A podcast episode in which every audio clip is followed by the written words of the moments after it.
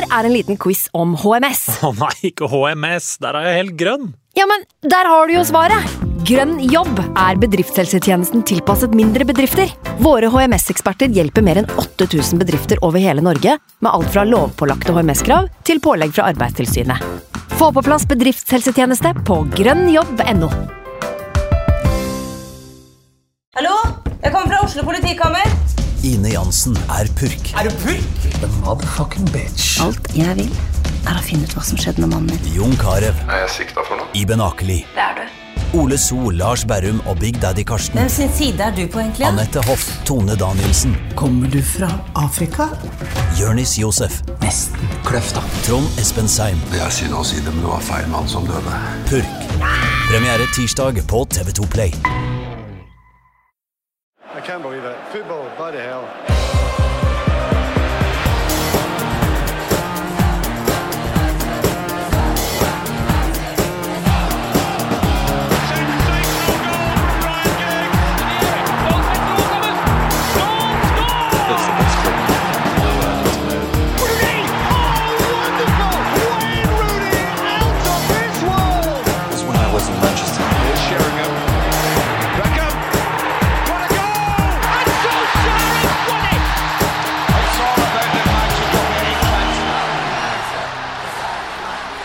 Fotballen den har altså stoppa helt opp. den. Det har jo egentlig hele verden gjort. Men United We Podcast ruller videre. Jeg har nå ringt opp eh, Bjarte Valen. Hallo, Bjarte.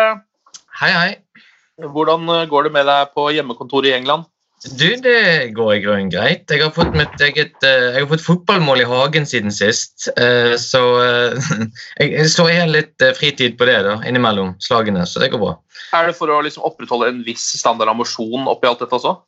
Eh, ja, men den hagen min er ikke veldig lang, da, så det, hvis du kan sammenligne det med en eh, ja, en, en, eh, en knapp 16 meter, så, eh, så har du hele hageflekken der. Så det blir, eh, det blir mye vendinger. da. Det er en fin mulighet til å trene på Cruyff-vendinger om ikke annet, før jeg skal spille oldboys-fotball igjen. Hva er det første United-målet du skal gjenskape ute i, det, ute i den hagen? da? Du, Det må bli Rune sin brasse mot City. Det kan, det kan bli stygt. Det, det, det, kan bli, det kan bli veldig spesielt. Jeg prøvde, jeg prøvde meg på et langskudd, og det endte opp med å treffe vinduet på uh, lekehuset til uh, min datter, som knuste. Så, um, så jeg tror jeg må øve litt mer. Jeg måtte uh, teipe noe papp for, for å holde det tett enn så lenge, så får vi fikse det etterpå. Det er deilig å høre at det er litt guttestreker, at det er energi til det. Eivind Brennholt Holt, velkommen til deg også. Hallo, hallo. Hvordan går det med deg? da? Du har vel egentlig pappaperm du nå midt oppi dette kaoset? Ja, egentlig er vel uh, ordet, ja. Uh, for min del så er det ikke så veldig annerledes. Jeg jo, skulle vært hjemme uansett. Men uh, det er jo flere i huset her, da, så det er fullt hus og stormjubel. Men eh, dagene de går, de går unna, de, altså. Så jeg har begynt å finne fram gamle sesongvideoer. Ja. Veldig glad i, glad i de. Og det som er gøy når du ser de og har sett de flere ganger, er at du legger merke til en måte nye ting hele veien. Detaljer som du kanskje ikke har sett før. Så det er eh, som at Darren Gibson trekkes fram som en åpenbar førstelagsspiller eh, i 2009 f.eks. Veldig gøy å se på den dag i dag. Så er det målfeiringer hvor Alan Smith, albuer, Fletcher det er, det er veldig gøy å kikke tilbake. Det er så mye man glemmer da, fordi det er så mye fotball. Så dette er jo tida for å mimre, så det, det har vært gøy. Det er i hvert fall et godt tips for å uh, kvele litt av fotballtørsten. Dra fram noen Mm. gamle sesongvideoer uh, og kos deg med den. Um, vi tenker jo også altså, um, det, et, eller det er jo et nytt uh, nummer av United-supporteren uh, på gang, Eivind. Mm. Eh, kan ikke du reklamere litt for det? Fordi vi trenger jo også tips til godt lesestoff i denne situasjonen her. Ja, og det er, eh, det er jo eh, mye å ta av, egentlig. Det er en variert meny. Eh, Vi har jobba lenge med en eh, stor eh, reportasje om supportkultur. Ja. Eh, Det er noe vi har jobba med i lang tid, egentlig. Og det er litt tilfeldig at det ble det bladet her, men det passa jo egentlig bra med tanke på den situasjonen vi er inne i. Så det er 24 sider om hva det betyr å være United-supporter i eh, 2020, for det har endra seg ganske mye. Eh, Så vi har vært i Manchester egentlig og på en måte forsøkt å mm, forstå oss på supporterkulturen i eh, Manchester. eh, Satt i sammenheng selvfølgelig med det faktum at vi er fra Skandinavia. Det kan man på en måte ikke ignorere. Så det, vi har snakka med engelskmenn som, som har fulgt Manchester United hele livet, og hvordan det har forandra seg. Og det henger jo selvfølgelig da tett, uh, tett kobla til uh, den, de forandringene da, vi har sett i Manchester United hele siden Glazers tok over i 2005, da, som har kanskje vært den største forskjellen, men også den sportslige eh, Kall det nedturen da, de åra etter Ferguson. og hvordan, hvordan er det liksom det at Manchester United plutselig ikke vinner trofé lenger, hva betyr det for supporterkulturen? Og interessant nok så er det jo da mange som mener at det har gjort eh, At det har brakt fansen sammen, og det ser vi kanskje spesielt på, på bortebane i eh, både i Premier League og i Europa, da, at eh, United-fansen der er de i ypperste på øverste hylle, og det, det er det vi har prøvd å på en måte gjenfortelle litt da, i, mm. i bladet. Så har vi snakka med norske supportere som reiser Europa rundt og spurt hvor, hvorfor de gjør det, og hvordan de føler at de passer inn eh, sammen med de mest hardbarka fra Manchester osv. Så, videre. så det, det er en eh, fin reportasje, og så er det mm, litt om Ikke bare litt, men det er mye om en viss portugiser som eh, han som sitter i London, kan eh, si litt mer om. Eh, ja, uh, du kan si timingen på supportersaken til Eivind var jo egentlig uh, veldig bra. Timingen for fotballpausen for United generelt sett med tanke på den formen vi var inne i, var ikke så bra. Men, men vi hadde jo veldig lyst til å gjøre en stor pakke på Bruno Fernandes og, og Odion Igalo i tillegg, som, som har kommet inn og gjort sine saker veldig bra. Eh, og det er litt interessant eh, de perspektivene som kommer inn. Vi har snakket med tidligere lagkamerater av begge to. Vi har snakket med agenter, vi har snakket med, med eh, journalister eh, som fulgte United eh, både tilbake igjen til den gangen eh, Erik Cantona kom til klubben, og, og i nyere tid. Og de fleste de sier det at hvis du ser på den, eh, den innflytelsen og innvirkningen han har hatt på laget, så er det nesten i sånn historisk perspektiv i Premier League-epoken i hvert fall siden 1992. Eh, det, det mangler nesten sidestykke. Eh, det er mange som har sammenlignet Bruno Fernandes med Erik Cantona, men som Paul Parker, som da spilte sammen med Erik Cantona, sa til meg at Erik Cantona, når han kom, så var han på en måte det, det prikken over i-en. Det var han som på en måte løftet laget de siste 10 prosentene og dro de over streken til å vinne ligagullet. Han var den biten som manglet i Ferguson sitt puslespill. Mens Bruno Fernandes kom inn til et lag som egentlig slet ganske tungt, så var han nede på en 56.-plass og så manglet selvtillit. Eh, så han har på en måte løftet en hel gruppe. Eh, slik at det, det virker Uten å være historieløse, da, så, så, så eh, skrytes det veldig av Bruno Fernandes og det han har bidratt med i United-garderoben. Ikke minst fra en journalist som Stuart Mattison, som vi, vi alle vet var United-journalisten til eh, lokalavisen Manchester Evening News helt fra 1995 og frem til han eh, ga seg i 2016-2017. Så eh, ja, det er, det, er mye, det er mye spennende lesestoff. Og ikke minst, jeg syns det er veldig gøy å gå tilbake igjen og se når vi intervjuer tidligere lagkamerater, hvordan spillere var, enten det nå er, er Igalo eller Bruno Fernandes eller andre spillere for den slags skyld. Det er veldig interessant å se hvordan de var når de var gjerne i den alderen 16-17-18-19 år. For det, da former du veldig ofte personligheten din som, både som menneske og som spiller. Mm. Eh, og eh, historiene der, spesielt om Bruno Fernandes, da, er jo at dette var en ekstremt ambisiøs spiller. En som virkelig krevde mye av omgivelsene, og en som måtte jobbet veldig hardt for å nå toppen. Så eh, nei, det, jeg, eh, jeg syns i likhet med Eivind, jeg syns det, det ble et veldig bra blad. Og den eh, supportersaken til Eivind, det, det, er, det er featurejournalistikk på sitt beste. Altså. Jeg satt her og gliste brettene jeg satt og leste korrektur på det. Ikke bare fordi jeg ikke fant noe feil, men det var rett og slett en herlig lesning. Så eh, jeg anbefaler de som, har, eh, de som nå får bladet i posten, å kose seg med det, altså, for det, det er det vel verdt. Så Det er altså United-supporteren som vi anbefaler eh, kanskje spesielt akkurat nå. Men eh, du var inne på Bruno Fernandes der, eh, Bjarte. Og, eh, altså, han kom, tok eh, oss United-supportere med storm, og så eh, plutselig så ble det jo da fotballpause. Eh, så jeg, jeg føler at vi har ikke blitt ordentlig godt kjent med, med personen. Hva, hva vet vi om han som, som type, liksom? Bortsett fra at han var ambisiøs da han var yngre og fortsatt er veldig ambisiøs. Eh, han er en type som, eh, som kommer rett inn og krever veldig mye av omgivelsene egentlig fra dag én.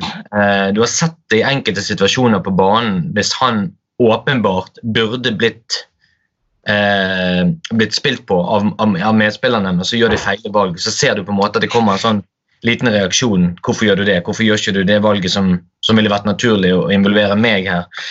Eh, vi, vi, vi, så det annet mot, det var mot City, hvor Daniel James forsøkte seg på et skudd fra, fra skrått hold, hvor han definitivt burde sentre tilbake igjen til han. Og Du ser en sånn umiddelbar reaksjon. Og så er det ikke noe sånn, Han går, han går ikke og kjefter på dem etterpå, han tar gjerne en prat med dem, men, men, eh, men du ser, du ser ambisiøse typen fra dag én. Og det som er litt interessant, altså, Den mest innflytelsesrike kapteinen United har hatt eh, hva skal jeg si, de siste 40 årene kanskje, med siden av Brian Robson, det er jo Roy Keane. Eh, men han òg trengte tid for å bli skikkelig varm i trøyen. Nå var han litt yngre, da, sånn skal sies. Eh, men han fikk jo ikke den voldsomt sentrale rollen i United-laget fra dag én. Men det har Bruno Fernandes gjort. Eh, og, men han har jo òg prestasjoner til å backe det opp. da. United har jo fått et voldsomt oppsving i prestasjonene med han på laget.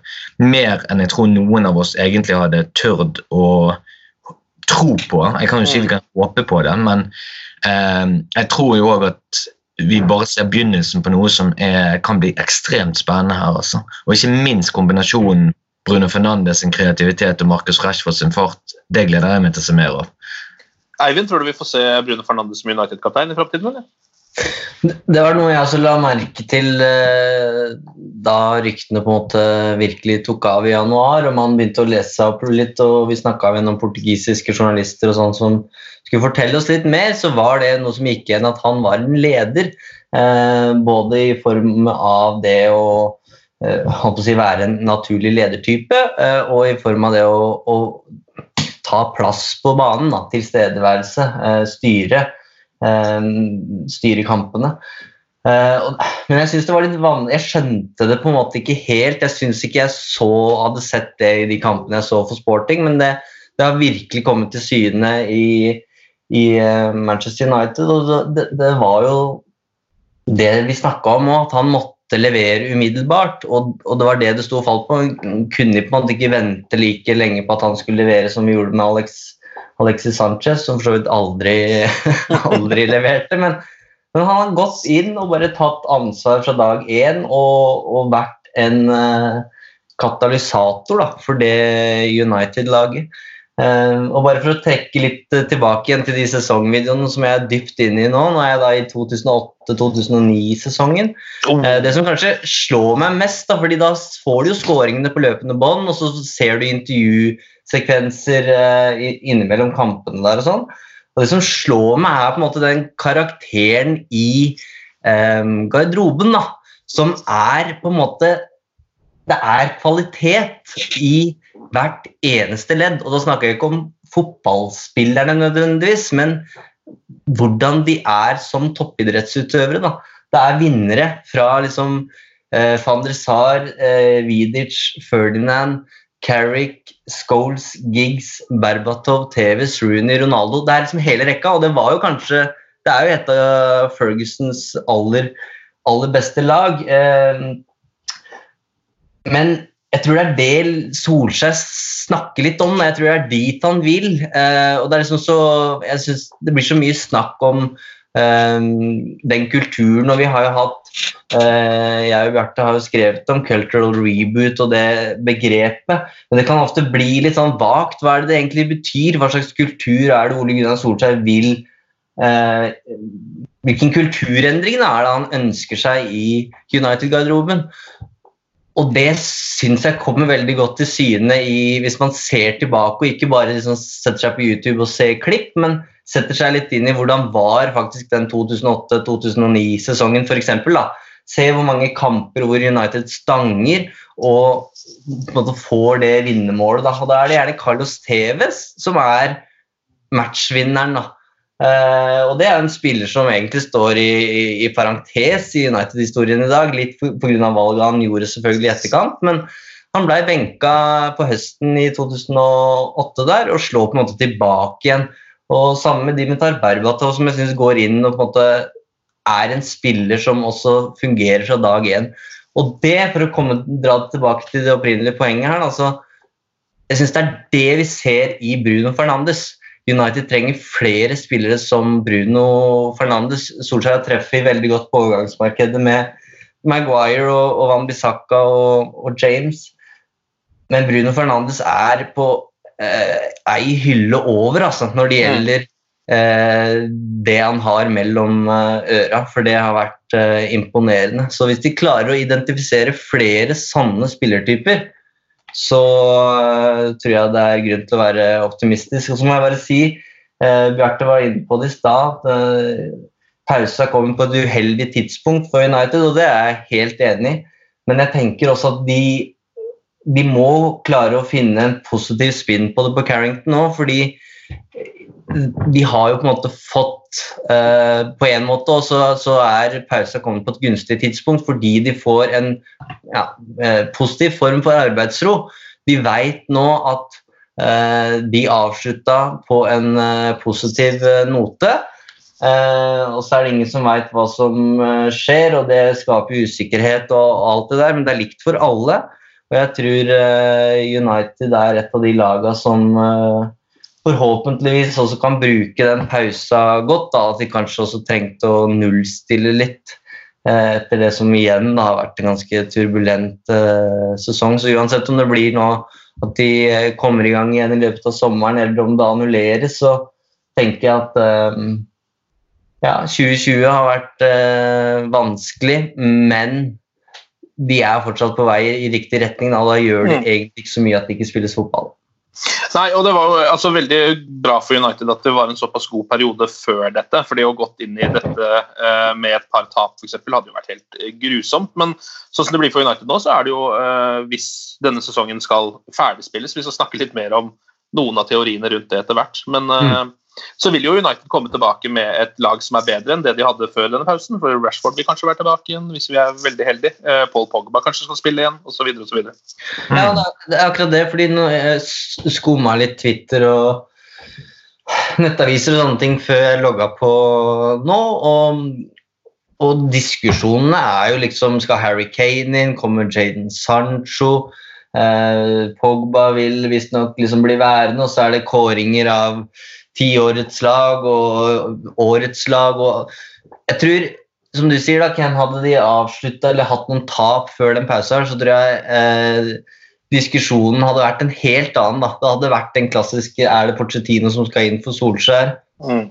Hva er galt i Manchester United? Det er det ingen som snakker om nå. fordi eh, fotball er såpass ferskvare at det som har skjedd sist, det er det som, eh, som teller. Og, og, og de avslutta bra. Mm. Eh, Bjarte, nå som det er, eh, tross alt er eh, pause fra eh, fotballen, fra Premier League, fra Europaligaen for Uniteds del, så er det jo en del andre ting man får tid til. Og dere skal sette i gang en ganske gøy kåring nå? Ja, det er òg en ting som egentlig har stått i, eh, på blokken hos oss for en god, en god stund, men eh, som vi har nå fremskyndet litt grann, da, og jobbet veldig intenst, vi, vi fire som sitter igjen nå og, og i redaksjonen. Og det er å kåre de 50 største United-spillerne i historien. Og vi bruker begrepet 'største' bevisst, vi sier ikke de beste. Eh, fordi at det er veldig vanskelig å sammenligne f.eks. en type som Peter Schmeichel med Ruud van Nistelrooy. Eh, fordi at de spiller helt forskjellige roller. Men vi kan se på betydningen de har hatt for United i den perioden de har vært der, og de prestasjonene de har gjort, og lojalitet til klubben. og Vi har, vi har mange parametere vi vurderer etter. da. Så det har vært noen, eh, har vært noen lange runder frem og tilbake der, og vanskelige utvelgelser. Og vi har vel mer eller mindre nå klart å spikre en topp ti-liste. Eh, og så har vi mer eller mindre laget kategoriene fra 11 til 20 og 21 til 30 og så videre, ned til 50 noenlunde klare i sånn bolker på 10 og 10. Men vi har ikke satt opp den endelige listen ennå, men det blir gjort ganske snart. Vi er, vi er ikke langt unna, så det gleder vi oss veldig til å komme i gang med neste uke og presentere. Eh, det er, det er mye, mange diskusjoner og mye, mye latter, men litt frustrasjon òg. Det er vanskelig å kåre. Det er veldig vanskelig å kåre, for du skal kanskje prøve å legge til side personlige preferanser, og så skal du på en måte se, prøve å se så objektivt som mulig på den innflytelsen enkelte spillere har hatt. Eh, så nei, det, det, det, er tøft, det er vanskelig, men, eh, men det, det kommer til å komme noen navn inn på den listen som vil overraske folk. Eh, Er TVs der? TVs er ikke med. Det kan jeg TVs er ikke med. Men uh, der, er, der er andre navn som, eh, som er med, eh, og så ser vi jo dette helt tilbake igjen faktisk fra Newton Heath ble stiftet i eh, 1878. Eh, Og Det er derfor jeg sier det kommer sikkert noen navn inn på den listen som vil overraske enkelte, men, eh, men eh, vi finner jo selvfølgelig brorparten av spillerne fra Busby Sinera og fremover, og ikke minst Førgesen. Ja, men det, ja. En ting, Bjarte?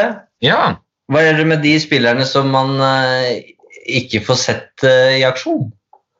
Som spillerne fra Busby er Anna?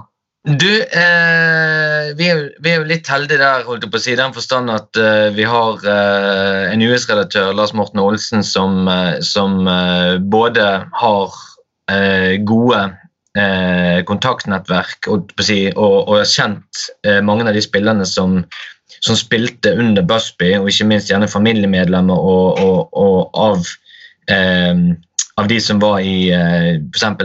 München-ulykken vi, vi vil jo tro at veldig mange av de spillerne ville jo kommet ekstremt høyt opp på den listen her hvis det ikke hadde vært for den ulykken. Eh, men likevel så er det noen av de som er med, simpelthen fordi at de var så ekstremt gode.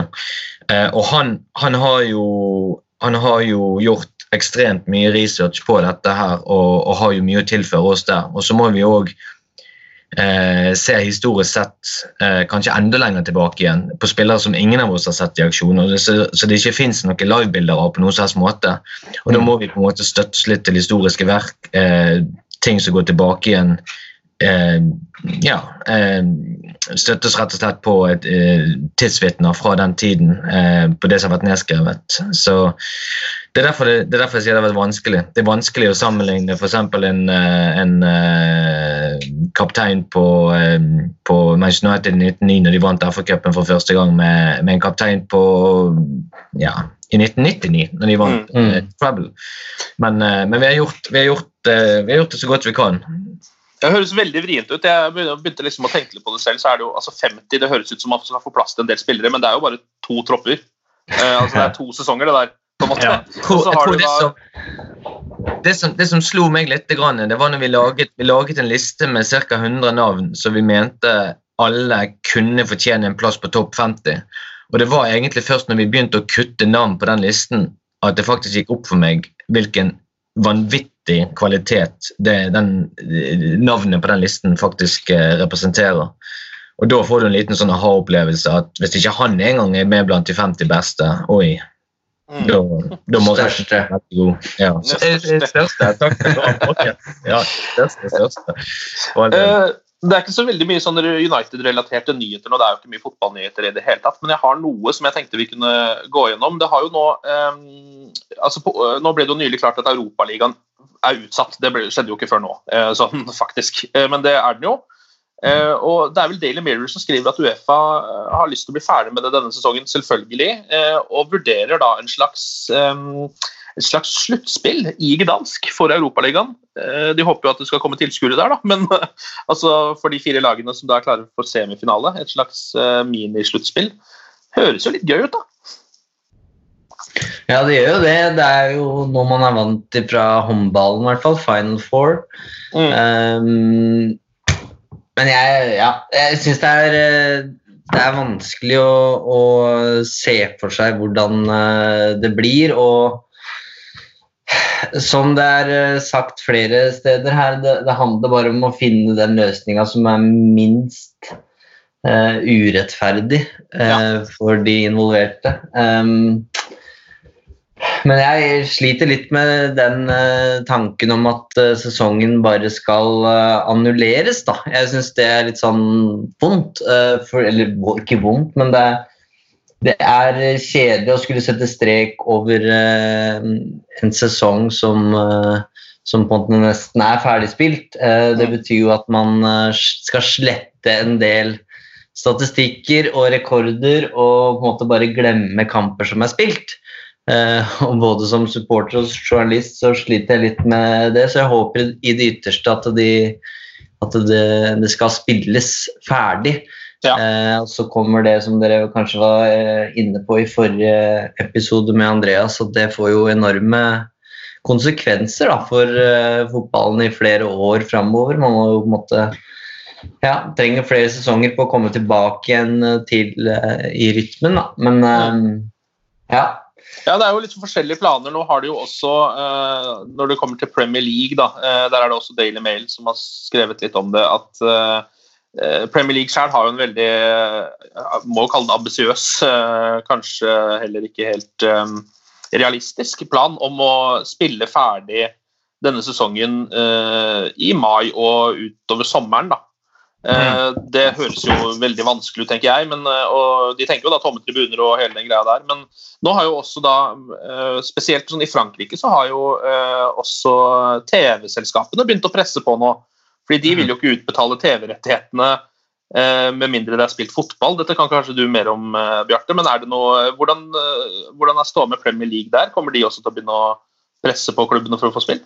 Eh, jeg vet ikke om Premier League kommer til å presse klubbene som sådan. For det er jo i utgangspunktet klubbene sjøl som kommer til å miste inntektene. Premier League er jo på en måte bare en kanal som videreformidler de inntektene som kommer fra TV-selskapene. Men TV-selskapene, etter det jeg har forstått, har i alle fall ønsket en klarhet i situasjonen. I, i den grad man kan prøve å skape en klarhet. Og grunnen til at de prøver eh, så du var inne på, å lage en, en plan der de starter opp igjen i mai og prøver å få fullført sesongen da, den eh, helgen rundt den eh, 11.-12. juli, er det vel. Det at de skal prøve å bli ferdig før den tidsfristen som da er 16. juli. Og 16. juli er en litt sånn magisk cutoff-date, for det er den datoen der TV-selskapene sin kontrakt med Premier League ender sesongen.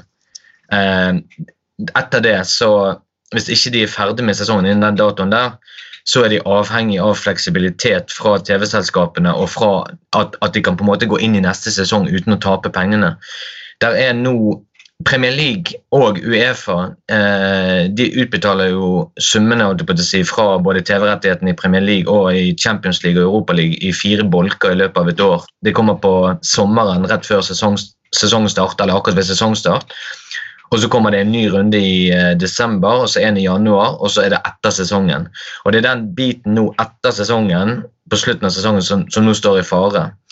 Og bare i Premier League så utgjør det totalt nå ca. 760 millioner pund. Vi snakker nesten om eh, vi snakker om en milliard kroner her som skal, skal, som rett og slett kan risikere at de taper. Men så ser du òg det at, eh, at dødstallet som følge av koronaviruset i Storbritannia stiger jo veldig bratt akkurat nå. I Spania har de vel nå passert 10 000.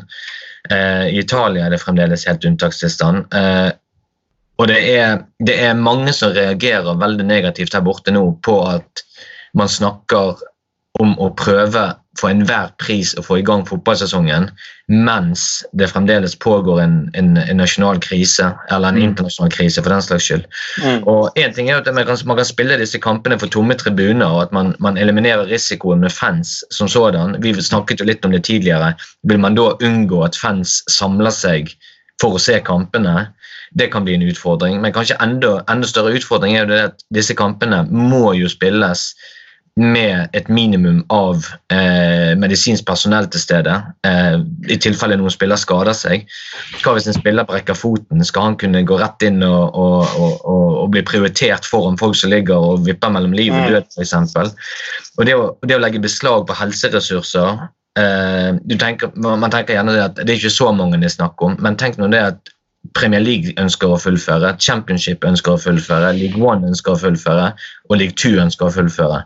Og Mm. da, da er det ganske mange eh, arbeidere innenfor eh, NHS eller National Health Service her borte som blir båndlagt til det mens man sliter med å få tak i nok helsepersonell allerede i dag. Mm. Så For meg så virker de planene med mindre det noe helt eksepsjonelt skulle skje, så virker de planene urealistiske. Det er ikke bare det at jeg syns de virker lite realistiske, jeg syns de virker urealistiske. Ja. Men eh, her skjer jo ting nesten fra dag til dag, så det er veldig vanskelig å si. Og jeg sy- syns jo England var naive lenge før de på en måte forsto eh, alvoret i det, og Premier League eh, inkludert i eh, den dommen der. Um, og for meg så virker det Det virker naivt igjen med den tidsramma som er eh, satt nå. For det er jo ikke sånn at det er 30 fotballspillere som skal møtes og spille en fotballkamp. Det er jo litt av et sirkus som skal dras i gang igjen. Mm. Og det at man på en måte skal få det opp på beina når resten av samfunnet fortsatt er på en måte i ja, som du sier, en krisesituasjon, det, det virker så urealistisk. Og, og så skal man klemme de kampene her enda tettere sammen enn det de eh, ville vært i en, eller, i en ordinær sesong. Så jeg, for meg så virker en sånn løsning det virker som en sånn selvmordsprosjekt. Altså, for det, det, det, kan, det kan nesten ikke Jeg kan nesten ikke se at det skal gå. Og dersom det går, så er jeg redd det blir eh, Det er mange som kommer dårlig ut av det. Da. Ja. Så jeg tenker at man må Den mest fornuftige løsningen her må være å ta seg god tid og glemme den 20 eh, 2020-21-sesongen inntil videre. Men jeg skjønner jo at det er eh, det er eh, menn i dress som har eh, mye på spill her, eh, og penger eh, spiller en stor rolle. Så det er ikke så enkelt som det, men eh, det ville nok vært den mest fornuftige løsningen, tror jeg. Ja. Eh, Vi kan også ta med oss at eh, en United-spiller har kommet ganske høyt opp på kåring over verdens ti beste høyrebacker, som 442.com gjorde. Det er jo selvfølgelig Wambisaka, det. Aron Wambisaka er på tredjeplass eh, etter Trent Alexander Arnold og Josh Kimmich fra Bayern. Foran Kyle Walker og Hakimi fra Dortmund. Det er jo litt ålreit. Vi visste jo at han var dritgod, så det er jo ikke nødvendig for oss. Men det, det, som er, det som er gøy med Aron Wambisaka, tror jeg, det er at jeg, eh, selv om han har vært eh, veldig god, i hvert fall i den defensive delen av spillet, så tror jeg at dette bare er begynnelsen. Jeg tror det er mye mer i vente fra han. Taktisk sett og ferdighetsmessig sett når han går i angrep, så er det forbedringspotensialet ganske stort. Men tenk når det kommer. Han er fremdeles veldig ung, så jeg, eh, jeg tror eh, vi har egentlig en høyreback der som, eh, som jeg ser for meg eh, kommer til å bli eh, skal, skal jeg passe meg litt her på å si noe altfor slutt. Men, men eh, jeg tenker på Dan Gibson-historien til, til Eivind fra tidligere. Men, men, eh, men Arman Wan-Bissaka for meg tikker egentlig alle boksene for å kunne bli en høyreback som United får nyte virkelig godt av i et eh, perspektiv på syv til ti år. eh, Der omkring. Det, det, er ingen, det er ingenting som skulle tyde på at han skal bli noe dårligere. Det må være i så fall en, en eh, virkelig eh, alvorlig skade eller et eller annet som, som gjør noe med farten hans. eller noe sånt, Men han er jo helt, helt fullstendig rå når det gjelder, eh, når det gjelder å, å forsvare seg. Måten han hadde Raheem Sterling på i lommen eh, når United møtte City, var jo helt eh, eksepsjonelt. altså. Ja, det var, det var deilig. Vi kan ta noen andre transfer-rykter litt sånn raskt på slutten her også. Eh, det har jo begynt å gå rykter om eh, Matthijs Delikt igjen. Eh, denne gangen så er er det jo da Juve som eventuelt skal selge han. Eh, han har ikke vært en sånn supersuksess der borte. Eh, er jo fortsatt ung, og sånn, men har ikke spilt seg helt inn på laget.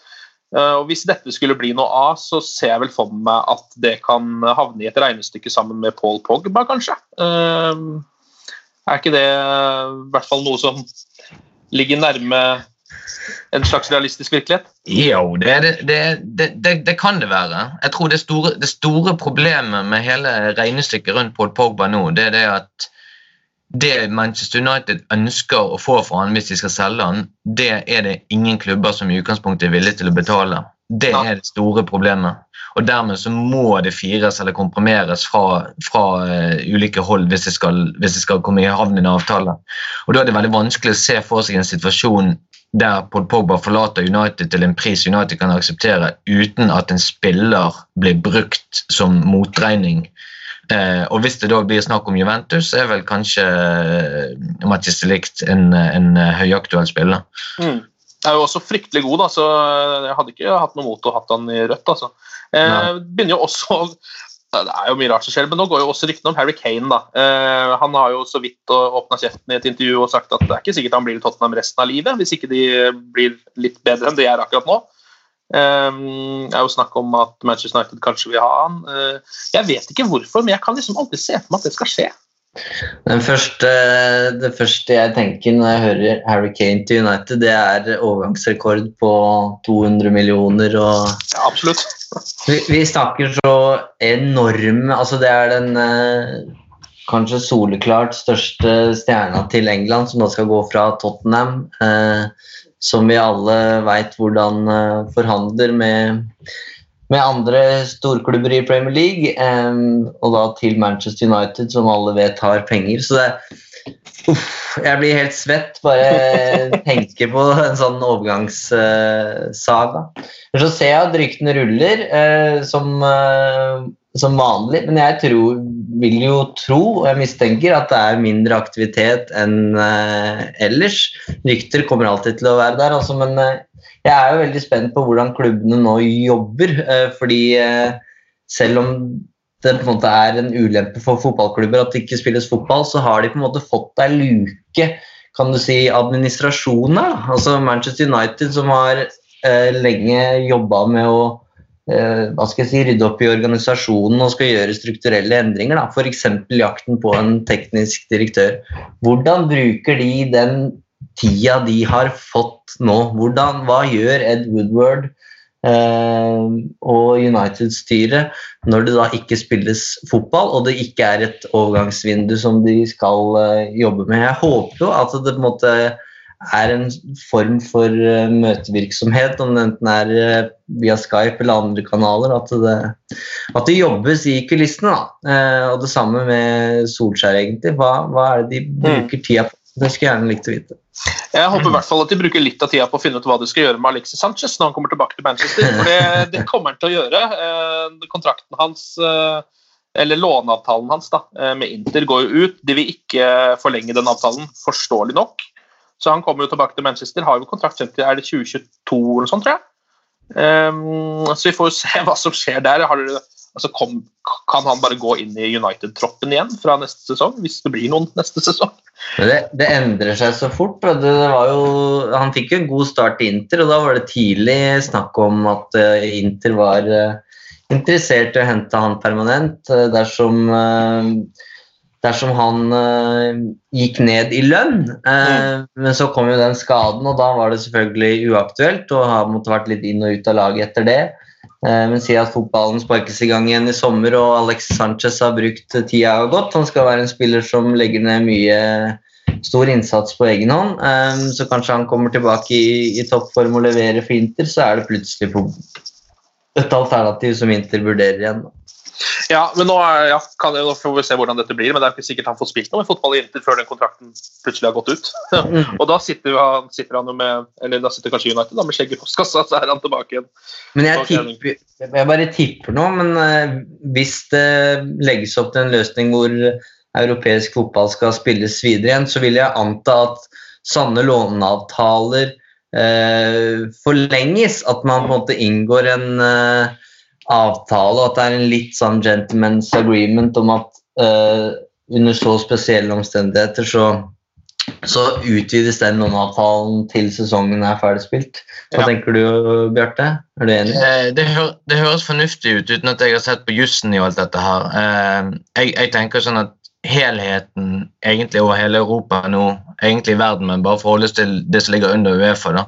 Der er, der, er, der er, en sånn ekstrem situasjon som ingen hadde planlagt for, holdt på å si, og ingen hadde kunnet forutsett at man er nødt til å lage inngå kompromisser over hele linjen hvis man mm. skal, mm. helt tatt skal klare å, å som du var inne på tidligere, Eivind, komme i mål med denne sesongen her.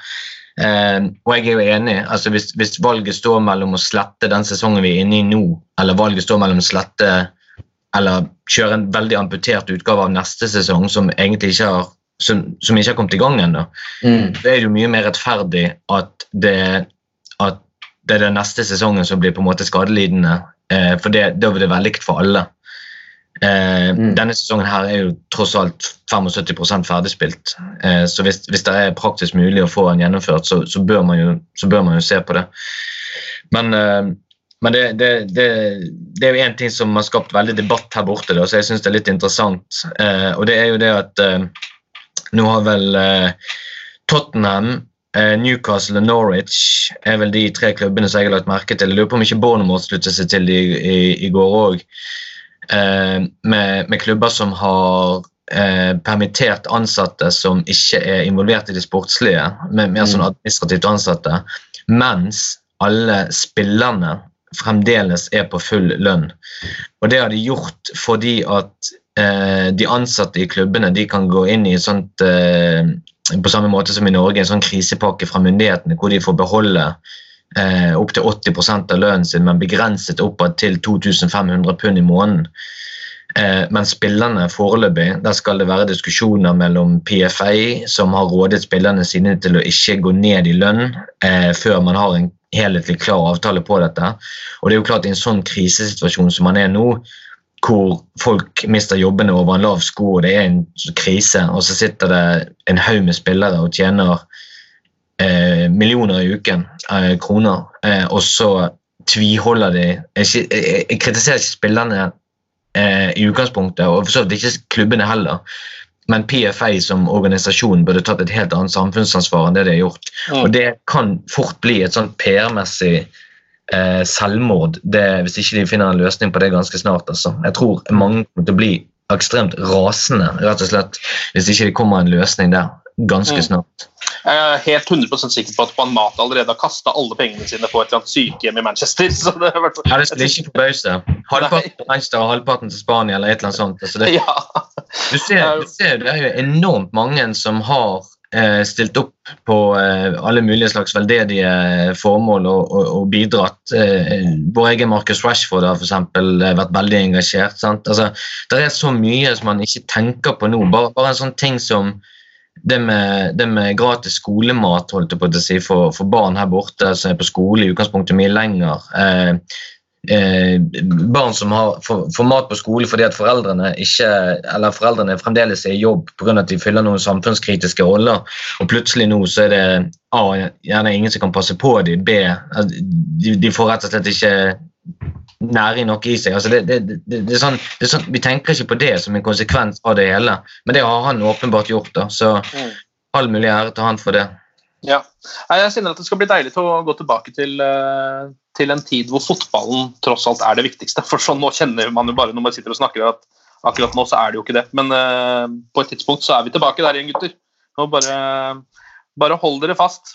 Eh, Jeg tenker at vi eh, er tilbake igjen om en ukes tid, eller i hvert fall i løpet av neste uke, med en eh, ny eh, liten eh, karantenepod her i United We Podcast. Eh, Bjarte og Eivind, tusen takk for eh, innsatsen. Eh, ha det godt. Ha det godt! Glory, glory.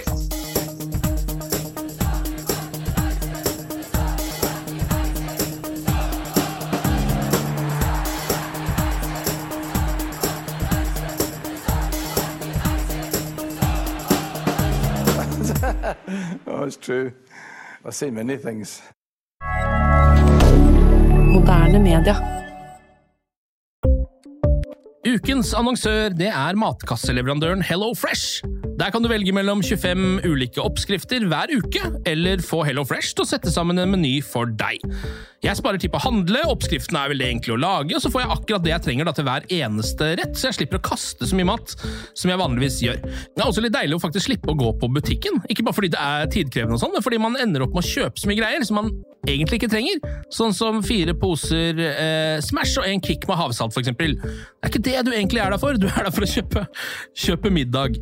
Så det er en veldig eh, kjekk ting. I tillegg så er det jo eh, ferdigporsjonerte ingredienser, det blir mindre matsvinn, og du betaler bare for det du faktisk trenger, og det du faktisk da spiser. I tillegg så blir det da levert på døra til et fastsatt tidspunkt, sånn at du kan få det akkurat når det passer for deg eh, sjæl.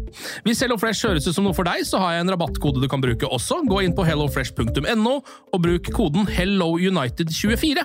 HelloUnited i ett ord, også 24, og få opptil 1779 kroner i rabatt på de fem første matkassene dine hvis du ikke har prøvd HelloFresh ennå. Du kan også bruke koden hvis du tidligere har vært kunde, men har stoppa abonnementet ditt for tolv måneder siden eller mer. Det er ingen bindingstid, og du kan pause eller avslutte abonnementet ditt akkurat når du selv måtte ønske. Husk koden HelloUnited24, og bon appétit! Ukens annonsør er Folio, en smartere banktjeneste for deg som har en egen bedrift eller ønsker å starte for deg selv. Folio er en superenkel nettbank for bedrifter. Som kunde i Folio får du en bedriftskonto med et bedriftskort og app. I denne appen er det smarte løsninger som forenkler regnskapet ditt, uansett om du har en liten bedrift eller et enkeltpersonsforetak. Folio er både intuitivt og brukervennlig, og er laget med et enkelt språk. I tillegg tilbyr de forutsigbare priser og ingen skjulte gebyrer. Skulle du likevel trenge det, så kan du snakke med deres raske og hyggelige kundeservice, og der får du prate med en faktisk person og ikke en chatbot. Folio er med andre ord både enklere og koseligere enn banken. Over 10 000 bedrifter har allerede valgt Folio som sin banktjeneste, så besøk folio.no og se hvordan Folio kan forenkle din hverdag også. Har du et enkeltpersonforetak eller en liten bedrift? Da er du sikkert lei av å høre meg snakke om hvor enkelt det er med kvitteringer og bilag i fiken, så vi gir oss her, vi. Fordi vi liker enkelt. Fiken superenkelt regnskap.